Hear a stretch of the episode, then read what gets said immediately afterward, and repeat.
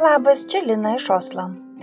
Šiandieną kalbuosi su psichoterapeute Genute Bončkute Petronenė, kuri parašė jau trečiąją grožinės literatūros knygą Pakelk mane aukštai. Tai psichoterapinis romanas.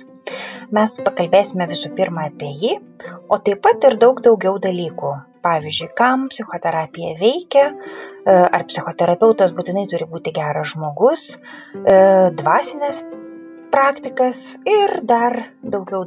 Kviečiu klausyti.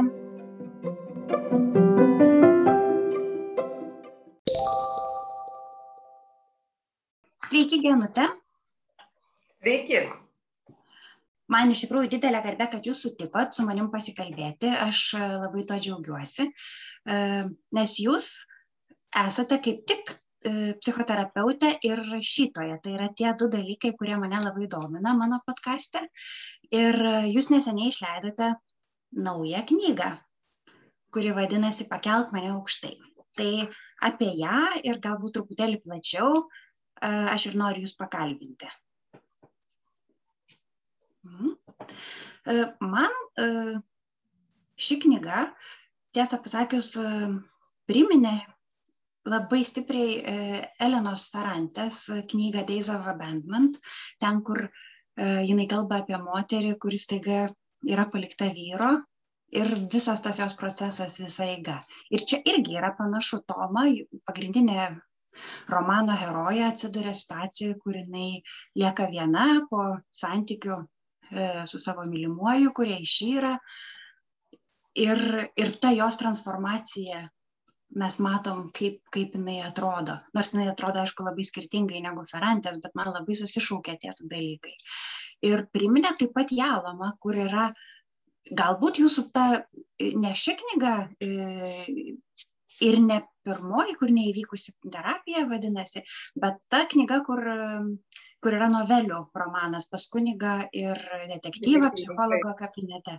Tai man labai du tokie autoriai, kiti rašantis, puikūs autoriai labai labai susišaukia. Ir aš pagalvoju, ar jūs irgi skaitėt juos, ar jums patinka? Jalomas tai aišku skaitėt, nes aš ir, ir, ir, ir novelio romane. Tai Jalomas skaičiau, o, o Ferrantės neskaičiau, žinau, kad tai gars, garsi autorė, bet dar nesu prie jos prieėjus. Aha. Uh, tai neži nieks nežino aišku apie ferantę nes jinai ir ir apskritai slapyvardžiu rašo bet irvinas jalomas yra sakęs ypač apie savo paskutinę knygą kur po po žmonos netekties parašyta kad jam rašymas yra išsigelbėjimas ir tokia vaistai terapija. Jisai sako kad jis būtų neištvėręs ir negalėjęs gyventi galbūt netgi dirbti jeigu jis nerašytų nes rašymas buvo nuolatinis palydovas jo jo darbo, jo gyvenimo. Sakykit, kai, kas rašymas yra jums, ka, kada jūs rašote, ar kai jums sunku, ar kaip tik kai lengva, ar kaip prisikaupia?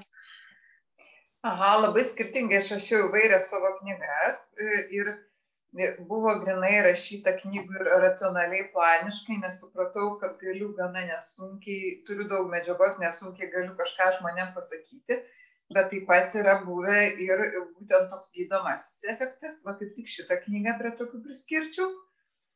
E, ankstesnį savo romaną irgi, neįvykusi terapija, irgi buvo savotiškas gydomasis efektas, bet visai nuo kitko gydžiausi.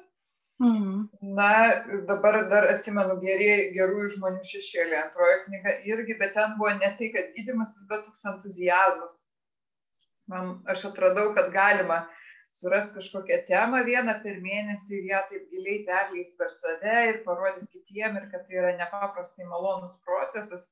Na, turiu omeny kaip straipsnių mažų gabaliukų pavydalų ir kad tu taip labai ir, ir, ir ištirniai kažką ir, ir supranti save ir dar su kitais labai intensyviai pabendrauji. O tos mm. kitos knygos, atsimenu, e, neįvykusi terapija romanas, ten irgi tokia moters kelionė, tik tai ten kažkiek tai partnerių yra, jisai kitokia visiškai kelionė. Tai aš rašiau po e, realiai susidūrimo su mirtimi, ne savo, mm. aišku, bet, bet tikrai tai buvo kalnų kelionė, kur, kur numirė moteris ir aš kažkaip tai labai mane suprėtė, ta moteris buvo mano amžiaus ir mes važiavome kartu, sėdėjome autobuse ir tas, kad ta mirtis taip arti, kažkoks tai mane apėmė staiga jausmas, kad reikia greitai užrašyti tai, kas, e, nu, kažkokius, e, užfiksuoti visas įdomiausias emocinės būsenas, ryškiausias, mm. kai tu jauti, kad iš tikro gyveni, nors gal kartais ir skauda, bet jos nu, gali būti labai turtingos, labai įdomios tie patyrimai kad man reikia juos staigiai kaip susandėliuoti, su, su, su, užkonservuoti, kad jos niekur nedingtų, nes, o, kitą dieną gali viskas baigtis. Taip. Ir, na, nu, aišku, tai buvo visai racionalu, nei čia kas nors ketinama baigtis, nei ką, bet tuo metu aš taip desperatiškai su, su, viską sukonservavau. Ir tai buvo labai įdomus procesas atrasti, kaip rašomas romanas. O pakelt mane aukštai knygą, taip aš rašydama pati irgi buvau tokioj, nu, kažkokioj savęs paieškoju tuo metu. Mhm. Nes viena vertus tai yra moteris e, heroja, kuri po skirybų, išsiskirimo, mhm. bet kita vertus jinai tokia savęs nerandanti jinai nesupranta, ką čia dabar be vyro pasaulyje veikti, tai ką iš viso, ko aš čia noriu, kas prasminga. Tai va šitoji dalis labai atitiko mano pačios patirtį. Nes mm. kaip ir tuo metu tokių skirybų kaip ir neturėjau, bet, bet labai e, turėjau tokį išgyvenimą, kad labai neaišku, kur eiti. -hmm. Ir, ir anksčiau būdavo, kad reikia kovoti už, už duoną, kovoti už pripažinimą, vienu žodžiu, kovoti, kovoti, kovoti. Ir staiga aš atsiduriu tokiam gyvenimo taške, kai kovoti nebereikia, aš gali daryti, ką nori. Bet buvo tiek daug kovota, kad nebeaišku, ko nori visiškai. Visiškai nebeaišku. Ir aišku, kokie tai vidiniai kritikai savo, sako savo idėjas toliau, ko reikia norėti, kad dar mhm. kažko reiktų išsigasti, dar kažkur save paimti tai šitas jau man nepatiko variantas, kad nu, galvoju, kiek, kiek jau metų praėjo nuo, nuo tos vaikystės sovietinės, kiek aš dar galiu juos orientuotis, jau tikrai nusibodo, bet pasirodo, kad kai tai sustabdai, kad nebeaišku, kas toliau. Tai va, tai čia irgi buvo toksai gydomasis man rašymas ir aš rašydavau tikrai, rašydavau taip visiškai laisvų rašymų, kokius du, tris kart per savaitę prisėdu, kažką parašau, parašau, parašau, kas plaukia. Kaip tai yra mhm. trys lapai tokia technika, kad atsisėdi ir parašai tris lapus. Tai va, tai aš parašydavau, parašydavau kažkiek tų lapų ir palieku numetu, o paskui šeštadienį jau taip uoliai darbščiai atsisėdavau su tais visais savo lapais ir mhm. iš, iš, išrinkdavau, išpasindavau tai, kas atrodė, kad nu, verta kažkokios tai nu, įdomiau kažkas tai parašyti. Mhm. Ir tiesiog tokį kratinį rinkau, rinkau, rinkau kokį pusę metų ir pradėjau jau po pusės metų žiūrėti, ar tai dėliojasi, ar įmanoma ten kažkokią struktūrą iš tų visų atskirų minčių, mhm. atskirų pajautų ir tada suradau jau struktūrą. Jis dar buvo visai kita negu ta knyga paskui gavosi, nu, bet jau pusė buvo tos struktūros ir tada pradėjau jau, jau žinodama, apie ką aš rašau, jau rašyti ne visišką kratinį, o e, e, tas mintis asociacijos, kurios siejasi su tuo, kas jau parašyta. Tai kitaip tariant, buvo tos refleksijos, A, buvo tos refleksijos, o po to jūs jas sujungėt į vieną siužeto liniją. Tai siužeto pati linija. Kai kur teko ir, ir, ir, jo, tai jau teko kurti tuo metu, nes man patinka, kad būtų viskas tiesa, va, taip kaip jauti, bet, bet tuo metu jau dokumentika baigėsi, jau teko kurti, nes, nes, nu, kaip sakyti, ta dokumentika, tas kratinys neįdomus skaitytojui, jam turi būti siužetas, turi būti kažkokie veikėjai konkretus, kažkokie įvykiai. Tai gerai, pajautą turiu, o kai, o iš kur jinai atsirado, tai skaitytojui, tai reikia, kad iš pradžių būtų situacija, paskui jau kažkokie mhm. apmąstymai, ne, o ne vien apmąstymai patys vieni, kad sėdi heroja e, ant vienos sofutės vienus dalykus dumuoja, ant kitos kitus, šitaip nevažiuos, reikia, kad kažkas įvyktų prieš tai. jo, teisingai. Aha tai aš tada suprantu kaip gimė tokia mintis kad kad iš esmės norėta sujungti savo patirtis bet į kažkokią siužetinę liniją. Aš tiesą tai pasakius tai ne vien tas kurio tuo metu buvo bet ir daug atsiminiminių turėjau patirčių nes iš taip ir būna eini kokią gatvę pamatai kokį nežinau e, e, namą prisimeni kaip pro, pro jį eidavai anksčiau. Tai va toks nu, mumise gyvena gi visas mūsų ankstesnis gyvenimas. Teisingai. Mhm aš skaitydama pagalvojau, kad jūs ko gero esate tas e, psichologas e, ekranėlėje. Bet aš dabar suprantu, kad jūs esate ko gero ta Toma, kuri ieško ir, ir bando. Nes, nes tai, ką prašiau, tai labai pati taikau šitas technikas klientais. Taip, nu, mes va taip ir yra tokia, e, reiškia, ir schemų terapija, ir dar yra tokia terapija internal family systems, tai vidinės šeimos sistemos, vienu žodžiu, kur sako, kad mes sudaryti iš skirtingų dalių. Mhm. Tai psichologas yra viena mano dalis, Toma yra kita mano dalis, tokia, sakyčiau, labiau gal šešėlinė, nes dar yra, aš Mhm. dar turiu tokių dalių, kurių visai romanė nėra, Mhm. bet ir, ir ju- jungistiniai, e, reiškia, psichologija irgi sako, kad kiekvienas sapno veikėjas tai esi tu pats. Tu pats. Jeigu ten tave vejasi piktas šuva, tai tu esi ir tas, kuris bėga, bet tu esi ir tas šuva, tu viduje savo turi kažkokios agresijos, kažkas tave nervuoja, dėl to pas tave toks vaizdinys atsirado. Tai va, tai tenais aš esu keliose vietose ir, ir net ne vien tose dviejose. O mm, tie vyriškiai, titas ir tonis, irgi, irgi tie Tonis šunys. irgi yra mano dalis faktiškai, kitas Mhm. galbūt būtų kažkokia priešingybė, Mhm. man. Antipodas. antikodas, taip. Taip, čia iš pagrindinių herojų, taip galima pasakyti. Se- Sesuo taip pat mano dalis. Taip, kita, kita aš. Aha. O aš iki galo kažkaip taip ir nesupratau, ar pamotė, da- dabar aišku, čia jau spoileris, gal taip negalima daryti, bet žodžiu, dar vienas veikėjas ten yra, kuris vadinamas pamotė. Pamatė labai dažnai sutinkama, sutinkama mano klientų gyvenime, labai tipinė asmenybė. Bet ar jinai tikrai yra pamotė? Jinai nėra mama. Tenais knygoje yra pamatė, jinai yra pamatė. Ir jinai yra iš tikrųjų pamotė. Taip, taip, taip prašoma, taip ir yra. Tai va. Aš o, o ta kažkodėl tai... pamatė yra toks rinkinys iš daugelio, daugelio mano klientų, tų, nu, kaip sakyt, kaip jungistiniai psichologijai vėlgi, nors aš nesu jungistė, bet taip kažkaip gerai šiandien tas yra juodoji motina, kaip ir negatyvioji, ta mama, kuri naikina, o ne kuri gimdo. Tai čia ta, toksai archetipas realiai. Taip. Mm. O aš visą knygą kažkodėl, prisipažinsiu, laukiau kažkurio metu, kad paaiškės, kad Toma ją laiko savo pamotę, kaip kartais būna vaikai, arba ne vaikai, bet žmonės tiesiog jaučia, kad gal, gal jinai buvo mano pamotė, gal jinai dėl to manęs nemylėjo, bet čia, žodžiu, yra tikra pamotė. Gal jinai, Nes jinai tavo mamytė, tavo mamytė. gal ir būčiau ją panaudojus. Taip. Nes vaikai iš tikrųjų taip dažnai laiko. Jie kartais taip sako, gal, gal tu mane iš tikrųjų įsivaikinai, dėl to tu manęs nemyli, bet čia gal tokie būna epizodai, kai, kai jau būna Tai pilnai galėjo būti, matote, kai rašai knygą, pilnai gali nueiti vienu keliu ir kitu. Ir buvo galima nueiti tuo keliu, e, kaip sako, narcisistinės mamos jos turi, e, e, reiškia, vienas vaikas būna absoliučiai geras, kitas absoliučiai blogas. Ir tas blogas net turi pavadinimą teorijose juodoji avis. Tai va, tai, tai čia gavosi, kad jai pilnai tai galėjo būti nepamatė, o mama, kuriai juodoji avis e, gavosi vyresnė dukra, jaunesnioji tapo jau ta baltoji avis. Nu, Bet Mhm. tos baltosios jinai iki galo mylėti net nesugeba. Taip, taip galėtų būti.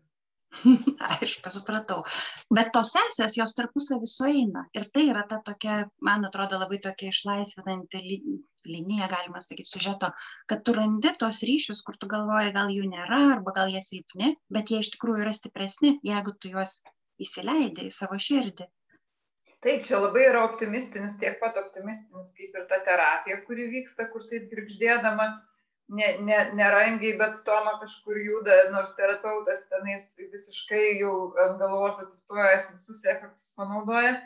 E, Tai lygiai taip pat ir tos sesės, kur atrodo, nu taip, tokios abi įsitempia, kažkokios abi depresyvos, bet jos kažkokiu būdu vis tiek nežinau, kažkiek ir su pastangom, bet viena padaro nedidelę pastangą, kita atlieka ir jos irgi taip girgždėdamos, bet juda ir išjuda tarsi. Nors Mhm. tas ses- sesers personažas, jisai lieka irgi toksai dar truputėlį paslaptyje. Iš tikrųjų, jie pagerėjo, ar ten laikina, ar, ar kaip iš visos jie bus, čia būtų galima sekančią knygą dar rašyti. Jisai toksai labai užuomasginis. Aš manau, kad tikrai galėtų būti antra knyga ir kur matytųsi, tarkim, neaišku lieka, ar jų santykiai vystosi, ar jie jau čia į pabaigą, nes jau viskas Ir turi. ypač neaišku, kas bus su Toma, nes liktai su tuo neišsiskiria ir kur jinai. Jinai lyg ir turėtų, bet nuo vienatvės jau tokios pilnavertiškos viena, ar jinai bemat sutiks kitą ir tikrai, tikrai jau tinkamą jai žmogų, bet greičiausiai su tuo žmogumi jinai vėl patirs kokius tai sekančio laiptelio išbandymus ir spręs naujas problemas. Tai taip, čia Mm. labai įdomu. Aha, čia galima būtų. Ir gal ir terapeutas dar ją dar vieną, dar tai vieną laiptą pakels. Mhm.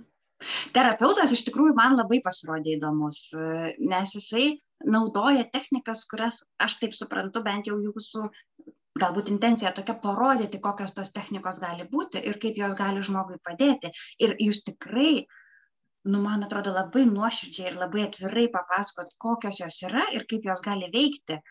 Tai čia yra chemoterapija, ar čia yra junginys? Chemoterapija, bet tos technikos naudojamos geštal terapijoje, pavyzdžiui, kėdžių tos technikos, mm -hmm. pačioj šeimos sistemų terapijoje, vaizduotės vėlgi, jos yra, nu, kaip sakyti, gana universalios. Mhm.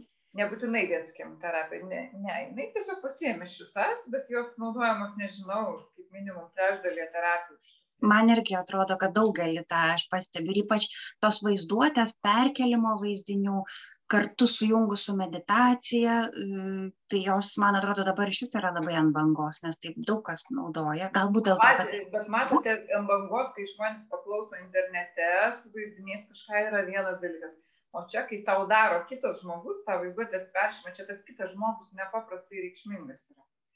Nes savo jėgom taip gali nueiti bet pavyks nepavyks. Jau kai sėdi baloj dažniausiai tai nepavyksta. Pavyksta kai Mhm. šiaip galvoji nu pabandysiu gerą techniką tada pavyksta. Ah, tai, tai ta prasme jinai nėra taip va taip lengvai kad ją atlikti nežiūrint to čia vis dėlto geriau kai labai kruopščiai atliekama ir ir ir deja tenka kartoti po kažkiek kartų tas technikas nes neužsitvirtina taip lengvai. Mhm. O yra, ar, ar kiekvienam žmogui, kuris jau sėdi baloj, gali tikti tokia technika, ar yra žmonės, kurie labiau linkia ir, ir, ir kurie mažiau linkia, ar galbūt mažiau priimtų tokią techniką. Aš, pavyzdžiui, pati galvojau, kad man tai būtų labai sunku, kad aš niekad negalėčiau taip įsivaizduoti kažko to, ko nėra. Bet taip, man, pavyzdžiui, tai pavyko. tikriausiai jūs būtumėte žmogus kuriam tiktų ta technika žinot kuriem žmonėm netinka? Tiems kurių emocinis intelektas labai labai žemas kurie jau visai neturi žodžių įvardinti jausmams kurie labai turi daug nerimo ir įtampos. Nu vienu žodžiu kuo žmogus labiau sutrikęs kuo jisai e, e, kuo tas emocinis intelektas trapesnis silpnesnis tuo jo sunkiau veikia. Jos veikia net ir labai netgi su psichozėse esančiais žmonėm net su priklausomybėmis sergančiais tom rimtosiom tinka bet jau reikia smarkiai pavargt padirbti va o o toksai e, e, žmogus kuris tiesiog sako ai man netiks tai tiesiog reikia daugiau paaiškinimų reikia ir taip ir anaip e, prieiti nuo paprastai va sakot vaizdiniai gal nepasimatytų tada pradėtume nuo paprastesnių vaizdinių visiš visiškai paprastučių ir ir tą procesą gana nesunku paleisti Mhm. Nu, mano patyrimas irgi toks, kad jis ganėtinai lengvai pasileido ir aš buvau nustebus. Bet tai labai įdomus iš tikrųjų. Ir man atrodo, kad tai yra tikrai labai veiksmingos praktikos, tai aš visai nesistebiu, kad žmonės ir patys bando ir su terapeutu. Bet aš, pavyzdžiui, galiu pasakyti iš savo patirties, kad tik po to, kai tai darai su terapeutu arba grupėje, mano atveju, aš pirmą kartą pabandžiau grupėje, tada gali ir pats pabandyti, bet tu jau geriau truputėlį supranti, kaip veikia o vienam kad pačiam va taip iš savęs tai man atrodo kad tai būtų labai sudėtinga vargu ar pavyktų. Taip bet tai ką jūs pasakėt aš dabar iš karto pagalvojau aš turiu tokias online dirbtuves kur e, žmonės gauna kas savaitę po workshopą video įrašytą ir jie sujungti į grupeles tie kurie Mhm. nori. Ir ir ir tame workshope visada yra pratimai. Vienas antras trečias kuriuos tu turi daryti tą savaitę. Vat pavyzdžiui dabar apie atidėliojimą prasidėjo e, e, tema na ir turi žmonės išsiaiškinti dabar visus kampus ką yra atidėję ir kokiu būdu yra atidėję. Ar užmiršę ar ten pradeda pradžią bet galo nepadaro ar ten save graužia na ir ir ir jie paskui turi grupelėse visi aptarti kaip jie darė tą ar aną techniką. Ten Mhm. kažkoks moderatorius pas paskiriamas pasiskiriamas. Ir ir tada iš tikrųjų tie dalykai veikia. O kai žmogus pats vienas išklauso a galvoja kaip įdomu va čia jau supratau protingas bet jisai tada jam sunkiau prisiversti padaryti kai jam nėra už ką atsiskaityti.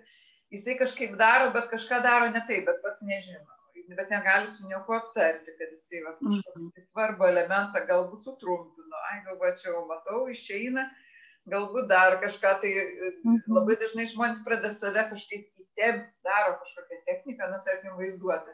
Darau žiūriu man nesimato to vidinio vaiko. Ai galvoju koks aš grybas debilas vat visiem išeina man vienam neišeina vienu žodžiu jau jisai daro neteisingai jeigu jau su savim šitaip šnekasi na nebūtinai taip žiauriai tai jau jeigu pridėt reiškia jau vidinis kritikas pradėjo dalyvaut pačioj technikoj kaip technikos dalis o jis neturi ten jis iš viso kištas ne ne nė kiek Tai, tai vienu žodžiu, grybų pripjaust galima labai daug ir tada žmogus sako, neveikia man tas, o ten visiškai netaip daryti.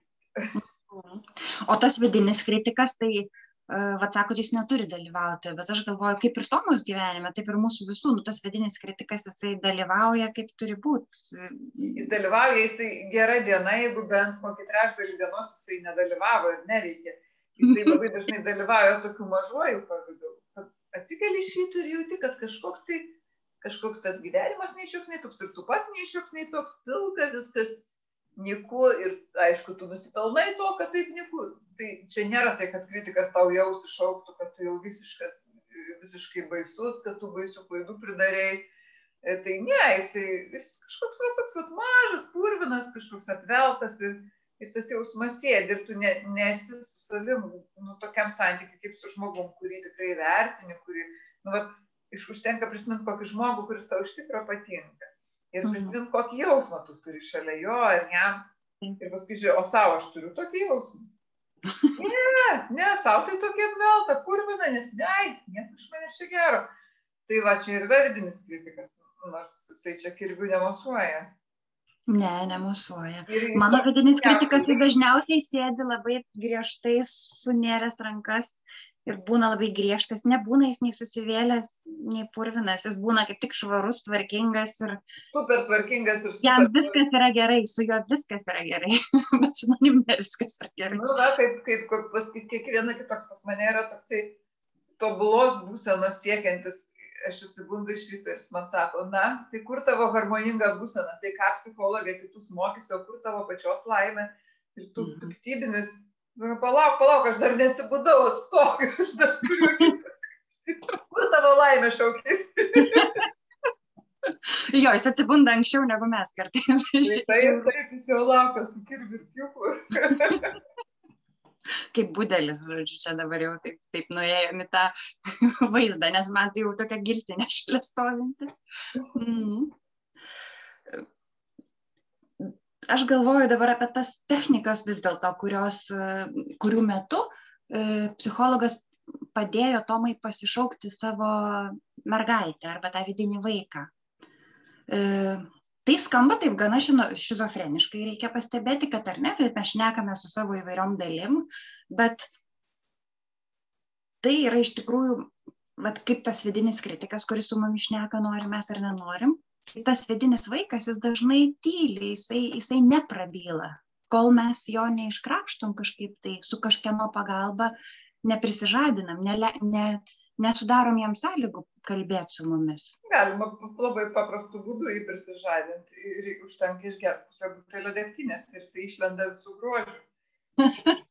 ir liūdnas, ir liksmas, ir piktas visoks, bet vaikas, būtent vaikas.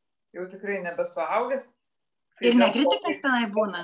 Žmonės ir geria, ir vartoja narkotikus, ir dar kažką, tai kad tą vaiką, nu, noris jį surasti. Ir tikrai, tikrai žmogus labai, na, ne kad labai retas, bet vis tiek gretokai žmogus smarkiai išgėręs ir neišgėręs yra toks pats. Mhm. Tai va ir šizofrenija. Tai kodėl ten taip pasikeičiam? Todėl, kad būtent tas kelias priešingas dalis ir turim. Dažnai ne dvi, o kokias tris, keturias minimum, jeigu ne dešimt skirtingumo žmogaus priklauso. Tai jeigu, jeigu mes taip nesikaitaliotume, arba šalia vieno žmogaus vienokie esam, šalia kito kitokie, pailsėję vienokie, nepa... nu, vienu žodžiu, mes turim tą variantą ir tie variantai tikrai, kairė nežino, ką daro dešinė, tikrai iki tokio laipsnio. Liūdna pripažinti, bet tai yra realybė ir, ir o tą vaiką, aišku, pasiekti normaliu būdu, ne alkoholiniu, na, va, dar seksualiniai santykiai, taip gerai jau žmogui tas hormonus, hormonus sujudina, jeigu jie yra tokie pilnaverčiai geri. Mhm. Vienu žodžiu, visos tos truputėlį e, ribinės būsenos, jos labai padidina prieimą prie vidinio vaiko. O, o kai nori paprastuoju būdu atsisėdęs e, ramiai ant kėdės, tai jau ten reikia pavargti. Mhm. Bet veikiau tikrai sveikiau. O tada apie alkoholį kalbant, kodėl tada vieni žmonės, e, ne, gal net ne tik apie alkoholį, bet ir kitus kvaišalus, e, vieni žmonės e, pasidaro išgeria sentimentalus, kiti agresyvus, treti. Žiūrint, ką už pagarbą. Mhm. Žiūrint, ką užspaudė, pavyzdžiui, aš kaip tik iš tų, kur pasidarau sentimentaliai, nes šiaip aš esu truputį drolokas žmogus, va galiu savo mintis drąsiai išnekėti, bet kad drąsiai ten bėgčiau kažką apsikabinti, ar užuojautą išreikšti, ar dar ką, tai aš taip drąsiai nesijaučiu. Bet aš, jeigu šiek tiek išgeriu, aš darausi jausmingesnė, tada jau galiu pasakyti savo jausmus kitiems ir gerus tam tarpu, o, šiaip gerus truputį saugau, taip viesiai, taip psichologiškai. tai taip, žiūrint, ką tau, ką tau, nu, kaip sakyti, ko tau neleido išreikšti. Mhm. Kas buvo užspausta, kas buvo neleista. Koks tavo gyvenimas vyko, tai taip, pas, pas mane, aižiūrėjau, tokia buvo situacija, kad mano e, giminiai buvo labai nu, visi emocingi ir tiek emocingi, kad aš ten su savo jautrumu, ten man nebuvo jokios vietos pasireikšti. Ir dar neįtikdavau, ką aš pasakydavau, kažkaip vis gaudavosi ne taip tai ir, ir užsispaudžiau nuo tų laikų, nuo tų visiškai senovinių, tai nežinau, nuo penkių metų.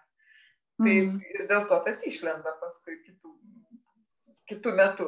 O kas yra žmonės, kurie būtinai turėjo būti geriečiai, labai šipsotis, labai malonus, tai tiem piktumas išlenda išgerus. Na, kas ką nuryja. Mm -hmm. Bet tai lenda iš labai ankstyvos vaikystės, ar ne? E, įvairiai būna. Įvairiai būna. Tipiškai, sakyčiau, 70 procentų iš ankstyvos. Bet yra vat, šios situacijos, tarkim, šių ten, na, va, dabar, dabar mes kokį stebim reiškinį, dabar gal truputį sušvelnės, bet vis tiek jis yra. Žmonės piktėja nuo karantino. Piktėja tikrai. Piktėja. Jeigu anksčiau buvo tokie išsigandę, e, jau visiškai anksčiau, pačioj pradžioj, paskui buvo mhm. kažkokie uždepresavę, nulindę kažkur, tai jau dabar pasidarė pikti. Nes pavargo. Tai situacija nulėmė, jie nebūtinai tą turi užspaudę, ne visi iš jų iš principo tą gyvenime pikti ryja.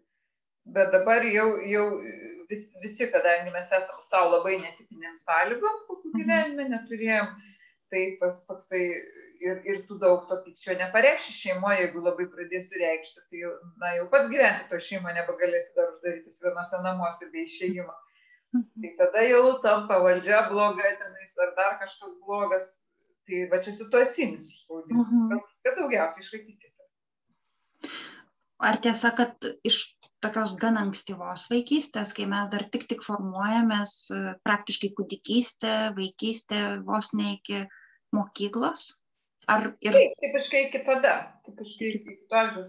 Tie pirmi du metai, tai ten labai jau tokie pagrindai padedami, jau tokie esmė esmė tai juos labai sunku sugaudyt paprastuoju būdu. Na, tas saugus, nesaugus prisirišimas, tokie jie nėra taip aiškiai matomi. Bet tai jau kas vyksta jau, kai atsiranda kalba žmogaus galvoje, tai va jau tą galima gana aiškiai atsekti, kaip tėvai mhm. elgėsi ir kas iš to gavosi. Čia ne, ne taip sunku sudėlioti į vietas, tik tai reikia, kad žmogus gerai papasakotų informaciją apie savo tėvų, nu, pagrindė jau mamos ko gero, bet, bet aišku, tėvas ten svarbus apie jų charakterius, jų santykius, kaip su juo elgesi ten tam aišku, kodėl mes tokie. Mm. Taip, jeigu, pavyzdžiui, vaikas patiria truputį toliau einant, mokyklos, paauglystės metu kažkokiu išgyvena traumų, tarkim patyčias ar kažkokį e, seksualinį brandim, brandimą sudėtingą, galbūt e, auga ne su ta seksualinė orientacija, kuri yra tradicinė, kaip dabar vadinasi. Tai, bet jo vaikystė buvo harmoninga tai jis lengviau pakels tokią paauglystę, ar jis tiesiog taip, traumą išgyvens? Lengviau pakels ir galbūt netaip traumuosi stipriai? Taip, taip, jis lengviau pakels, jisai greičiausiai tau paauglystė nebus tokia žiauri ir jinai praeis kažkaip tai lengviau, be abejo, jam ne, nesugriūna visi pamatai. Nes jeigu mhm. vaikas idealizavo tėvus, na mes visi idealizuojam tėvus, bet tie tėvai labai kreivi, labai disfunkciniai tai tu turi gyventi visiškam mele tada iki, iki tos paauglystės, kad tu išgyventum. Ir tada tas melas taiga nukrenta. Tai gaunasi kažkoks tai labai na, drastiškas efektas, labai jau stiprus. Kartais jisai toks yra stiprus, kad žmogus nu, net nedrįsta tos paauglystės išgyventi. Jisai užsišaudo ir jos tarsi nėra.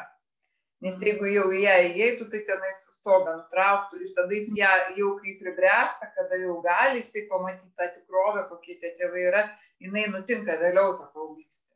Iki 30 metų gali nutikti. Na, jau psichologinė, aišku, hormonai ten savo, savo ruoštų, bet psichologiškai jinai vyksta vėliau tada. Mm.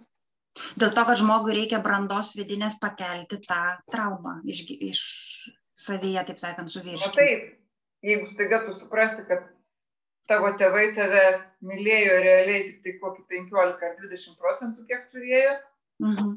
tai čia net ir 40 metų žmogui yra labai rimtas dalykas suvokti. Labai mhm. sunkus. Taip. Mhm. Ir aišku, savaime, kaip psichologai, jūs siūlote tas problemas ateiti atsinešti į psichologo kabinetą, kur psichologas pavus ir kunigų, ir detektyvų, bet vat jūs pasakėte tokį žodį, kad vėsiai kaip psichologė. O jūsų e, romanė psichologas, jisai sėdi su tuo, e, dabar galvoju, Klimto paveikslu ir Europos žemėlapiu, kurie netinka vienas prie kito Tomos nuomonė. Ir jisai sėdi visą laiką vienodas, visą laiką vienoje vietoje ir neatsistoja net paprašytas parodyti, kad jis tikrai gyvas ir, ir turi kūną ir kraują.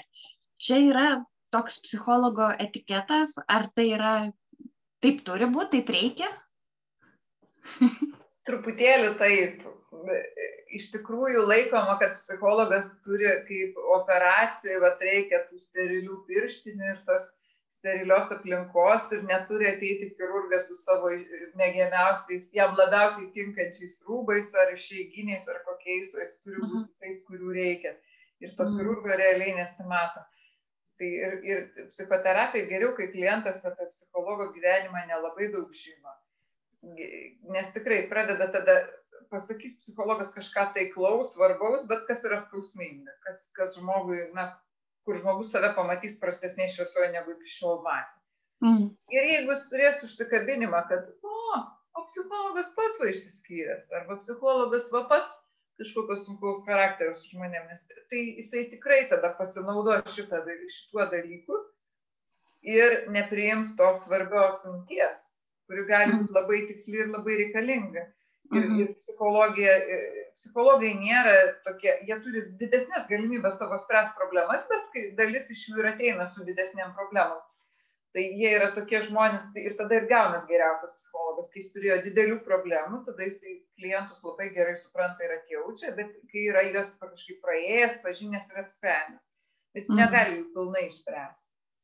Bet tiek, jeigu jis jas šiek tiek žino, jisai to pilnai užtenka, kad jų nepersikeltų į terapijos problemas. Kad jisai būtų kaip psichologas labai geras. Bet kaip žmogus, jam gali būti nelengva gyventi savo gyvenime yes. su kitais žmonėmis. Bet tas nepersikloja. Kažkaip žmonės įsivaizduoja, kad jau psichologas, kad ką tu čia mokai kitą, jeigu pats, pats ten batsiuvys be batų. Tai nėra visai taip. Valanda, mm. kurios metu tu sakai įžvalgas, esi empatiškas ir atjauti žmogų tą padaryti manoma net labai blogo charakterio žmogui. Tai pilnai įmanoma. Jeigu jis yra labai protingas, tai valandą tu tikrai gali kitą atjausti, jį pilnai įsigilinti, tai tikrai įmanoma. O kitą valandą ateina kitoks žmogus, tai vėlgi tas pokytis irgi lengvas. Tai, e, tai taip gali būti. Ir, ir nereikia čia apie psichologas, tai yra va, praktikų rinkinys, supratimo žmonės rinkinys, bet nebūtinai asmenybė, kurie nežinau, kaip koks gurų, paskui kurią reikėtų eiti.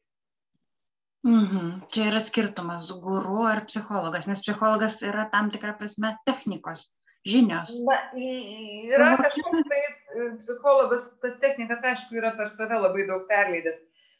Bet jeigu jau tie dvasiniai šviesuliai, tai man matomai, kad jiem gal didesni reikalavimai taikomi. Mm. Psichologas labiau profesija vis dėlto, kurią tu, jeigu daug dirbi, daug stengiasi, tai tu įgyji meistriškumą.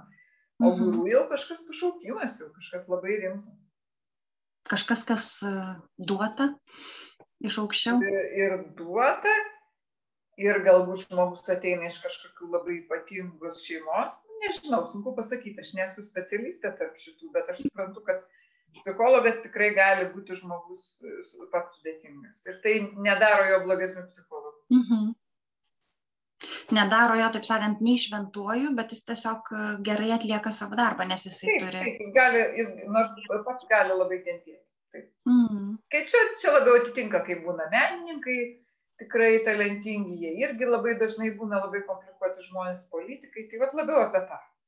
Mhm. Ir jūsų knygoje dar šalia to, dabar jau, kadangi užsiminėte apie, apsi, pakalbėjom apie gūrų, tai pagalvojau, yra labai linija stipri tikėjimo ir Dievo. Ar tai reiškia, kad tokiam geram, tikram išgyjimui žmogui reikia ir dvasinių praktikų, ir psichologo pagalbos, jūsų pačios nuomonė tai yra tas elementas, kurį reiktų pasitelkti savo pagalbai? Nes ten yra labai ryški ta linija, labai... O taip, tai čia, tai tu kaip iš karto dvigubai greičiau važiuoji, čia labai rimta. Tai labai stiprios nu, tradicijos, kurios žmonėm per šimtmečius tiek daug duodavo, tai jeigu galima ant dviejų arklių atsisėsti. E, bet aš nemanau, kad visiems reikia. Daugeliu mhm. mano klientų, pavyzdžiui, visai nereikia dar vieno arklio, jie ir taip gerai keberiuojasi. Mhm. Bet jeigu žmogus yra iš disfunkcinės šeimos, jeigu jis yra, nu, ten realiai ta toma yra tokia depresijos būsena realiai. Aš sakyčiau, kad ten ir antidepresantų reikėtų, jeigu tai būtų mano klientė, aš ją siūšiau ir antidepresantų išgerti. Bet jeigu žmogus savo jėgom nori išsikapstyti iš tokio, kad gyvenime situacija labai prasta, baisus vienišumas, kuris mums visiems yra nepakeliamas ir tu tų draugų ne, negausi, va taip iš dangaus jie nenukrenta staiga. Tai va su draugais labai blogai su su būsena pati depresinė beveik reiškia jau neuronai prastai veikia.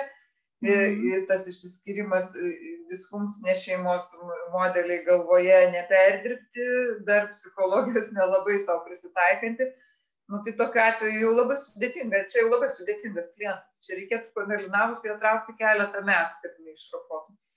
Mm. va tiktai tiek kad intelektuali. Tai tokiais atvejais tikrai yra geriau imti keletą būdų bet tai kaip tu paimsi tai šita herojė tai tokia imli dalykam jeigu žmogus jau prieš tai turėjo kažkokių tų dvasinių praktikų jau jam tai artima tai yra vienas dalykas.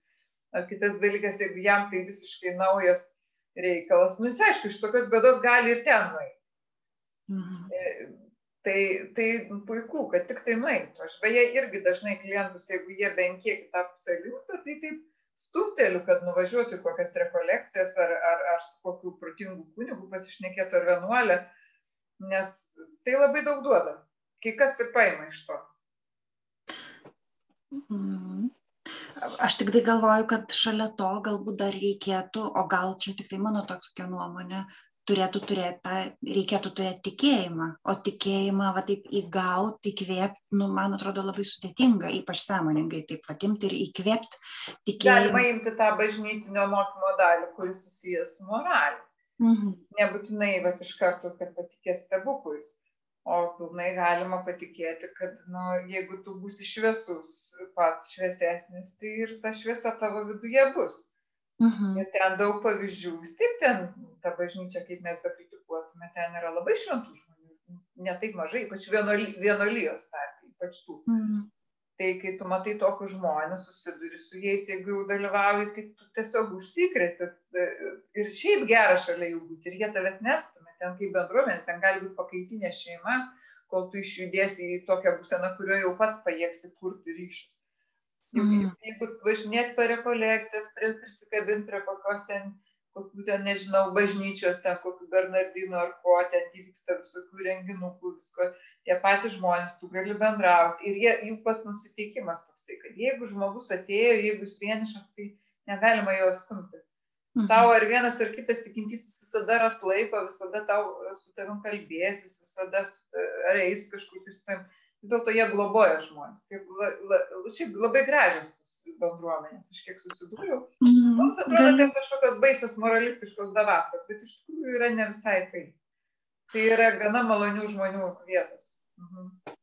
Aš tiesą pasakius irgi su tuo turiu sutikti, nors aš visai nesu, nu, nesu tikinti, bet aš galiu irgi iš savo patirties pasakyt kad tos bendruomenės ir šalia bažnyčių jos būna labai įtraukios taip tas dabar žodis kur mėgstamas bet jos būna tikrai realiai labai įtraukios ir jos pastebi kad va tu naujas mes pavyzdžiui buvom naujai atvažiavusi šeima į norvegiją ir pradėjom lankyt darželį kuris buvo krikščioniškas prie bažnyčios.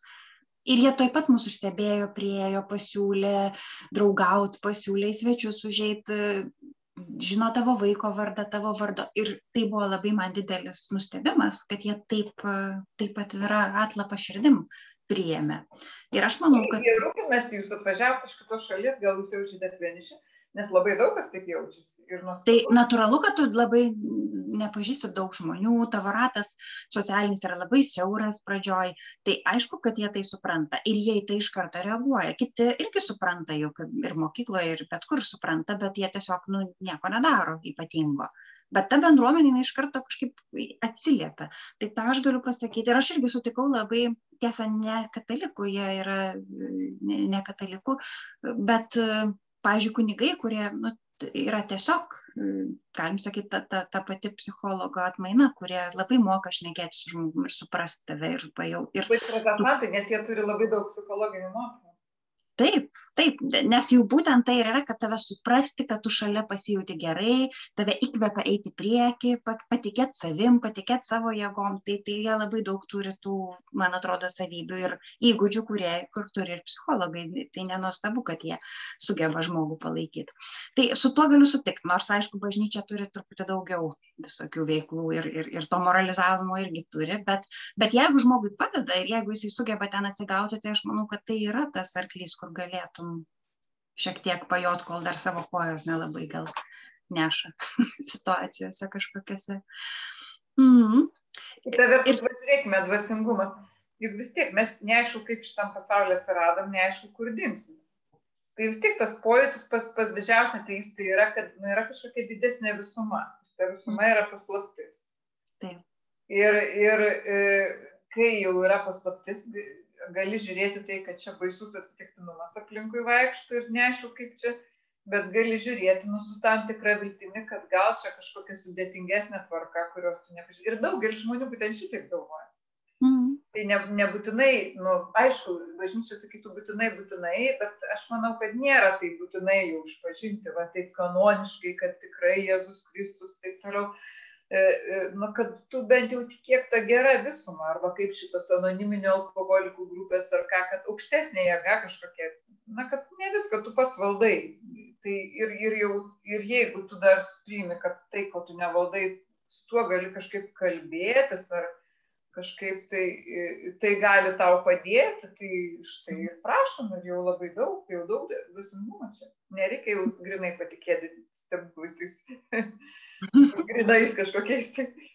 Galbūt nereikia savo užsidėti tokios aukštos kartelės, kad, kad jau iš karto būtų tuo tokiu topinių krikščionių ir tikinčių. Galbūt užtenka padaryti mažą žingsnį, kuris gal padės. Tiesiog rasti, kas tau rezonuoja, tenai su kas nerezonuoja, palikti už skliaustelį ir žiūrėti, kaip čia bus.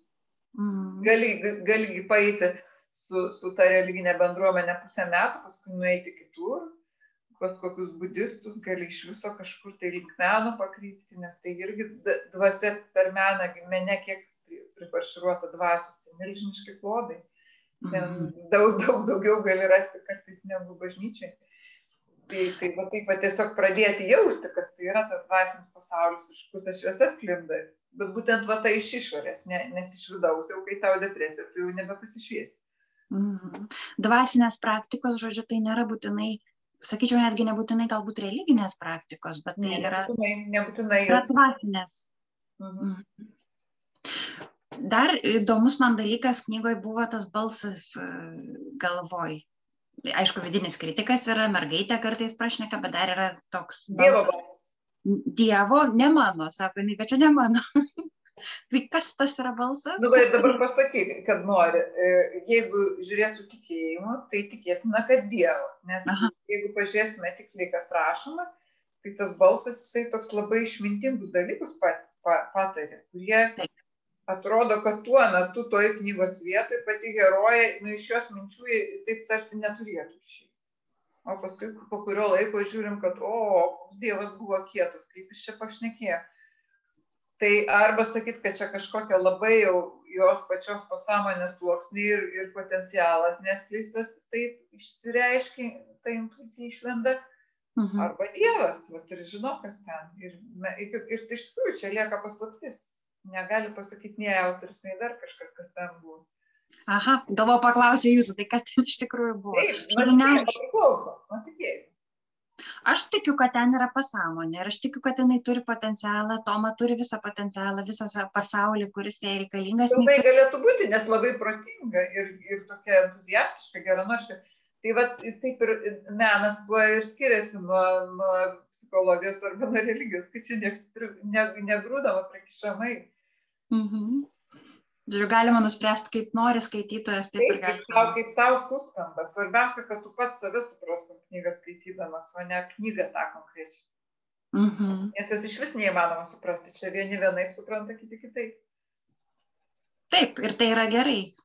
Nes knyga gyvena jau, kai jau autoriaus, taip sakant, parkeris pasitraukia nuo popieriaus lapo, tai jau jinai gyvena savo gyvenimą. Ir jau tada... Tai visiškai taip. Ir net pats autorius pasiskaitęs galvo, o prač, kaip ten įdomiai tada sugalvojau. Įdomu, kodėl taip sugalvojau. Matyt, tuo metu iš mano pasąmonės toks dalykas išlindo. Girdėjau, nebeatsimenu, kas, beros Sintija Černiauskaitė yra pasakęs. Sakė, baisu, sako, kartais parašau tokių dalykų, kurie man po to gyvenime atsitinka. Tai va, tai pats autorius dar čia taip save iki galo būna nesupratęs ir pasižiūrės savo knygą jau po kurio laiko save supranta. Mhm. Nu, tai čia meno gale yra tam tikra prasme, kad kartais tą plunksną veda ne tik mūsų racija, tas protas, bet ir šiek tiek daugiau. Mhm.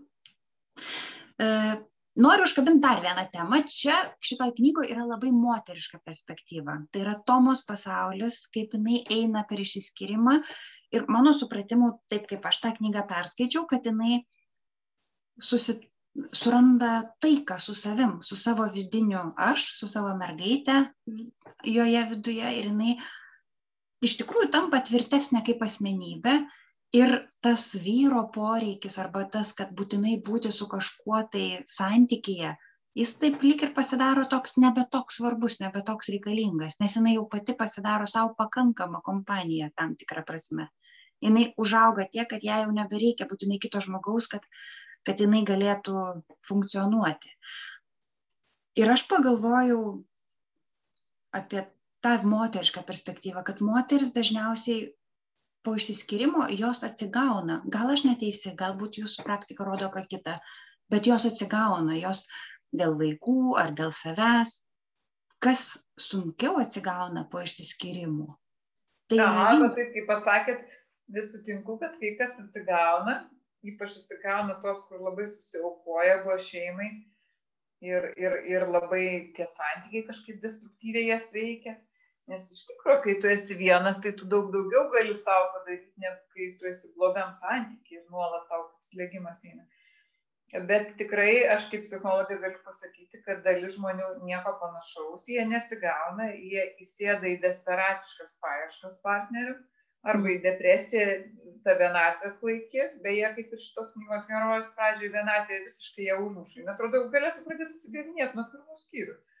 Tas kitas toks sudėtingas buvo, ten e, sprogdino ją su visais savo sugalvojimais ir tai myli, tai nemyli, tai atrodo, tai iš dabar jau susišukuok visas plunksnelės ir džiaugis, nu jau vis, vis tiek jau niekas tavęs nebekankina. Bet jis buvo ir labai geras, jinai patyrė Na, labai tai daug gerų akimirkų. Tas gerumas toks buvo vasaldžiai kartus. Toksai, mhm. kad, jis tai, paskui apkarto, bet pradžia buvo... Tas gerumas labai... net baisiau žmogui, negu kad, negu kad jokio gerumo, nes tikrai labai išbalansuoja. Mhm. Tai va, tai, tai atrodo jau, jau pradėtų atsigavinėti ir viskas iš karto. Bet kodėl taip ilgai užtrunka? Todėl kad jinai visiškai nepakelia vienatvės su tokio dydžio vidiniu kritiku jinai lieka ne su savo ten ne su gražiu pasauliu pilnu galimybių ne su gerais žmonėm kuriuos va galėtų atsikapstyti. Pasirodo buvo ir tam pačiam jos gyvenime buvo tiktai nuo jos požiūrio priklausė jinai jų neprisileido. Va tai turėjo iškart atsigauti bet žmonės įgriūna į tą vienatvę gana žiaurią kai kurie o o bet dar dažniau jie tos vienatvės tiek nepakelia kad jie iš karto užsirašo į tinderį sekančią dieną bet kadangi yra tokie apdaužyti tai ir ten jie apsidaužo ten patiria daug visokių nesąmonių. Ir ir ir tada e, kankinas kankinas draskos draskos ir ten po kažkiek tai laiko jau galų gale gauna tą šiaudį kur įsigriebti ir įsėda į kitus santykius kurie paprastai būna nieko tiesiog truputį kitokie bet bet nieko kokybiškai ne nėra jokio žingsnio į priekį tai sakykim tiesiai kad pilna tokių žmonių mm. o daugiau moterų ar vyrų aš ar manau kad e, vyrai labiau desperatiškai tos santykius griebėsi nors vat irgi nenoriu nesinori tų vyrų nuvertint nes pas vyrus yra, moteris, sakysime, moteris, jeigu lieka su vaikais, tai jinai turi dar kažkokį jau šiaudą, bet su tais vaikais įma nebesveikai elgtis, tuos vaikus labai įsikabina. Mhm. Tai jinai tarsi netaip greit, o vyrai jau iš karto tam puola kažko ieškoti. Tai čia atrodo vyrai nesveikesni, bet paskui, kai pažiūri didesnę perspektyvą, vyrai kai kurie turi tokį, kad, e, nu, aš pats, aš turiu gerai jaustis iš pradžio, paskui ieškosiu, aš turiu ant savo kojų pats atsistoti. Ir tas aš pats dažniausiai yra, kad jie be proto pradeda sportuoti daug. Ir mm. sportuoja, sportuoja ir ten dar kažkokį galvobį turi ir tame va taip pat ir sėdi visai, kas nėra. O moteris dažnai va šitokio neturi dalyko. Jos nesugeba nei sportą, nei hobį taip gerai įsivažiuoti, tai šitoj vietoj vyrai kaip ir stipresni. Šitoj. Na bet moteris vat kas link vaikų kas link tokio jaukumo kūrimo kas link draugių turėjimo jos stipresnės. Tai tai sunku pasakyt matyt tos lytys panašios. Pagal savo pagal savo sugebėjimus ir nesugebėjimus. Tik mum moterim aišku norisi vyrus labiau nuvertint nes jie pašnekėt apie savo vidų nemoka na nemoka bet jie va su kūnu jie geriau draugauja. Arba atsakomybę geriau prisiima už savo gyvenimą. Moteris taip norėtų ant ko nors atsigulti kad jai ten padėtų arba ją garbintų arba ko nors atsigulti. Tai visi labai mes vienodi esam iš tikrųjų būtų norėtųs būt ta geresnė pusė bet taip velnio nėra ne velnio nėra, aš irgi taip galvoju, kad nei viena iš tų pusių kažkaip nėra stipresnė.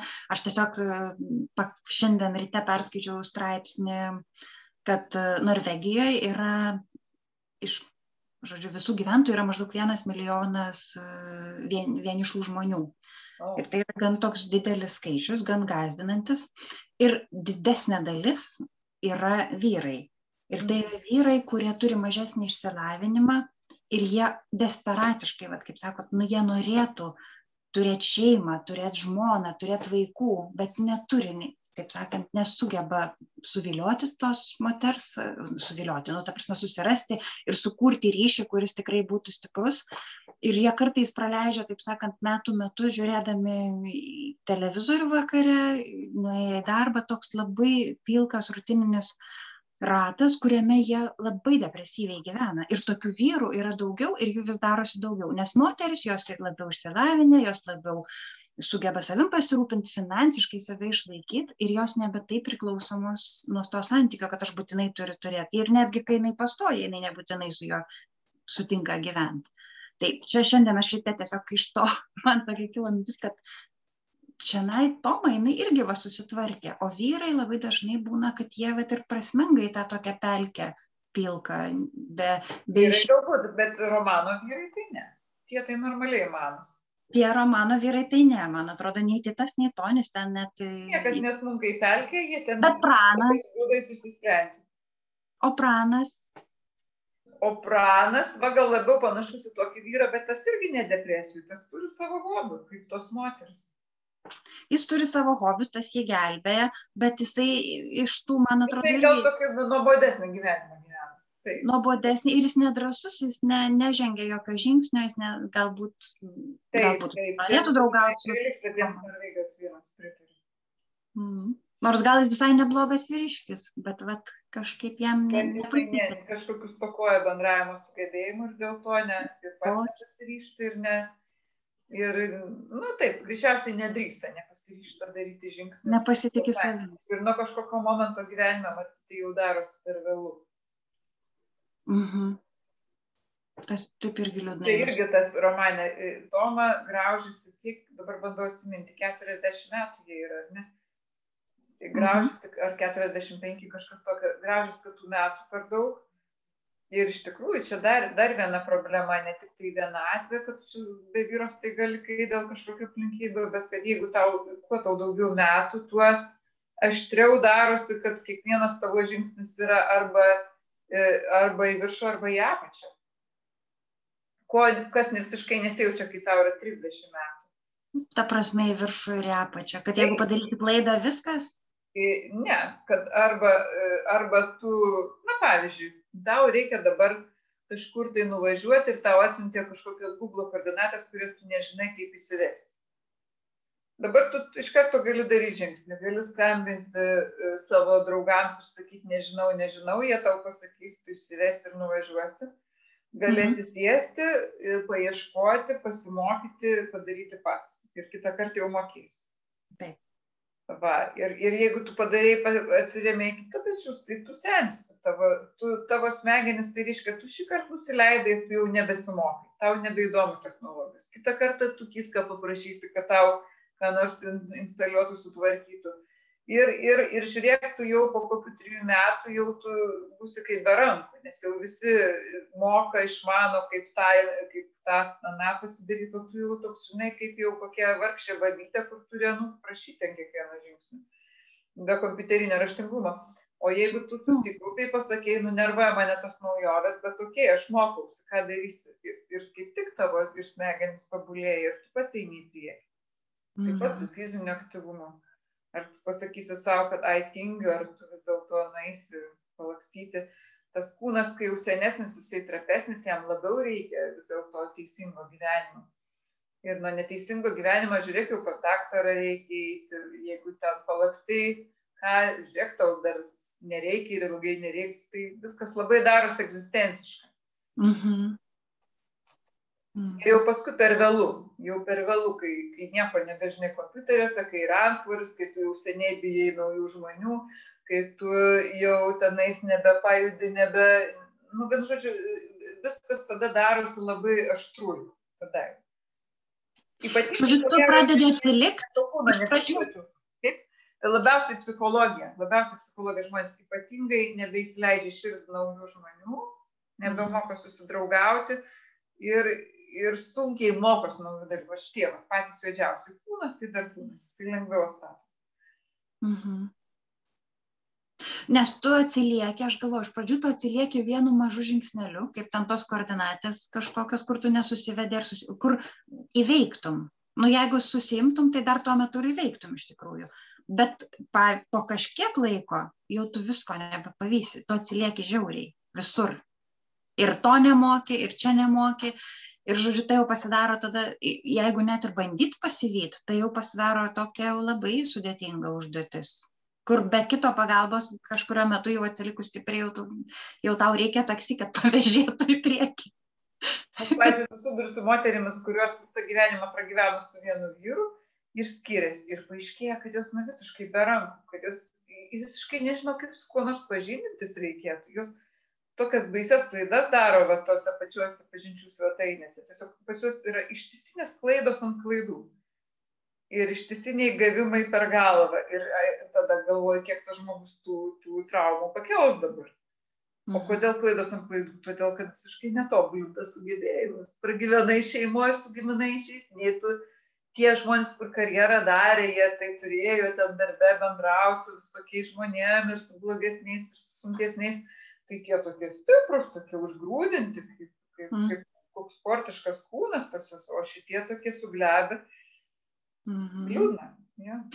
Nors, aišku, yra tokių istorijų, man atrodo, kad jos labiau tokios legendos, kur, pavyzdžiui, kur nors būna filmuose, kad moteriškė išsiskiria, vaikai paauginti ir jinai staiga atsimena, kad, pavyzdžiui, jinai turėjo advokatės, tarkim, diplomą ir kad jinai vis dėlto supranta ir jinai tada pradeda atsisėda ir tuoj pat atgauna visas tas savo, taip sakant, gerasias savybės ir staiga tampa vėl sėkminga karjeros moteris, pavyzdžiui, ir atranda save.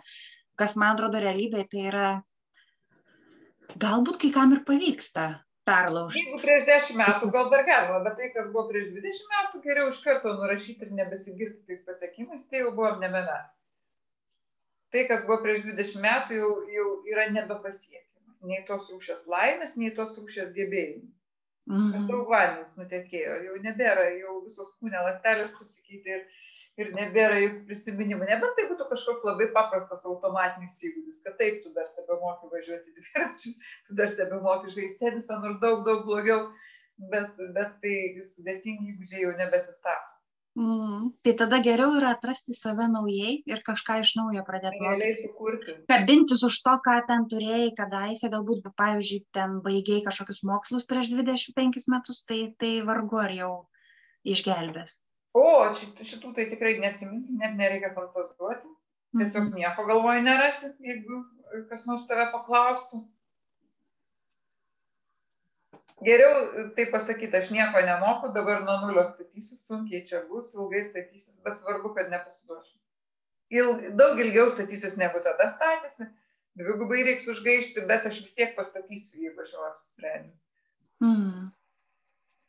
Supratau, tai žodžiu, tiem, kas yra išsiskyrę, gyvena tą laikotarpį po išsiskyrimo eina per tą duobę, tai jam patarimas yra ieškoti naujų kelių, naujų būdų ir pradėti nuo čia, kur tu esi, o ne bandyti žiūrėti atgal, nes tai tik tai gali... Galime iš atgal pasimti tai, kas buvo prasminga, kas buvo, kur širdis mhm. buvo, taip.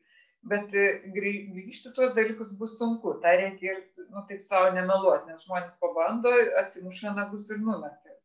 Geriau ne, ne, nenumesti, tik tai ilgai grįžti. Ir, ir paskui būtų sudėtinga ta situacija, nes e, viena vertus ir, ir ta nuotaika jau ne, nei šiokia, nei tokia. Ir vienam blogai, ir, ir su žmonėm blogai. Tai ten mm. labai reikia tokiu minkštumu, minkštumą savo visą laiką. Ir, ir tą judesi, kad tau vis tiek kažkas padėtų. Ar tai geri, ger, gerieji ten vienuoliai iš bendruomenės, ar dar kas nors. Tai čia labai išsijudinti yra sunku. Kaip, mm. kaip iš kokios, nežinau, pelkės, kad tu jeigu padarai tik per stiprų žingsnį, tu dar stipriau nus, gali nuskesti tai pačioj pradžioj to blogumo labai švelniai lipti ir būtent vat, griebti viską, ką tau gyvenimas kokį šiaudą siūlo, jau už visų laikytis ir, ir pačiam labai save šildyti. O paskui jau galėsi ten mokytis, atsiminti, jau stengtis. Ir atrasti. Mhm. Tai, žodžiu, čia yra geras patarimas, iš tikrųjų, priimti tą pagalbą, kuri yra aplink apsidairyt gerai ir jeigu matai šapelį, už kurio gali kabintis, tai ir kabinkis. Taip, taip ir kabintis ir sakyti nuoširdžiai, kad žmonės bėda man yra, nes dar visi vaidina, kad, na, išsiskyriau, bet nieko tokio, viskas man gerai. Sau blogiausia, kad prieš save vaidinu, bet prieš kitus velniai nematė. Tai va tas vaidinimas viską labai sustabdo procesus. O, o, o kam jis reikalingas? Tam, kad karūna galvos laikytųsi. O žmogus ten metus ilgiau užtrunka depresijoje. Tai labai liūdna labai gaila labai gaila kad mes kažkada tiek daug esam nuvertinti kitų kad turime taip taip vaidint tai ko nesam ir negaut pagalbos mm. Taip, tikra tiesa. Žodžiu, nemeluot savo, pasakyt apie tai, kas blogai ir kabintis už to šapo, kuris yra. Nes vis tiek tų šapų visada būna, bet kurioje pelkėje. Taip, šapų, ačiū Dievui. Yra šapų. Taip nekeista, jų yra.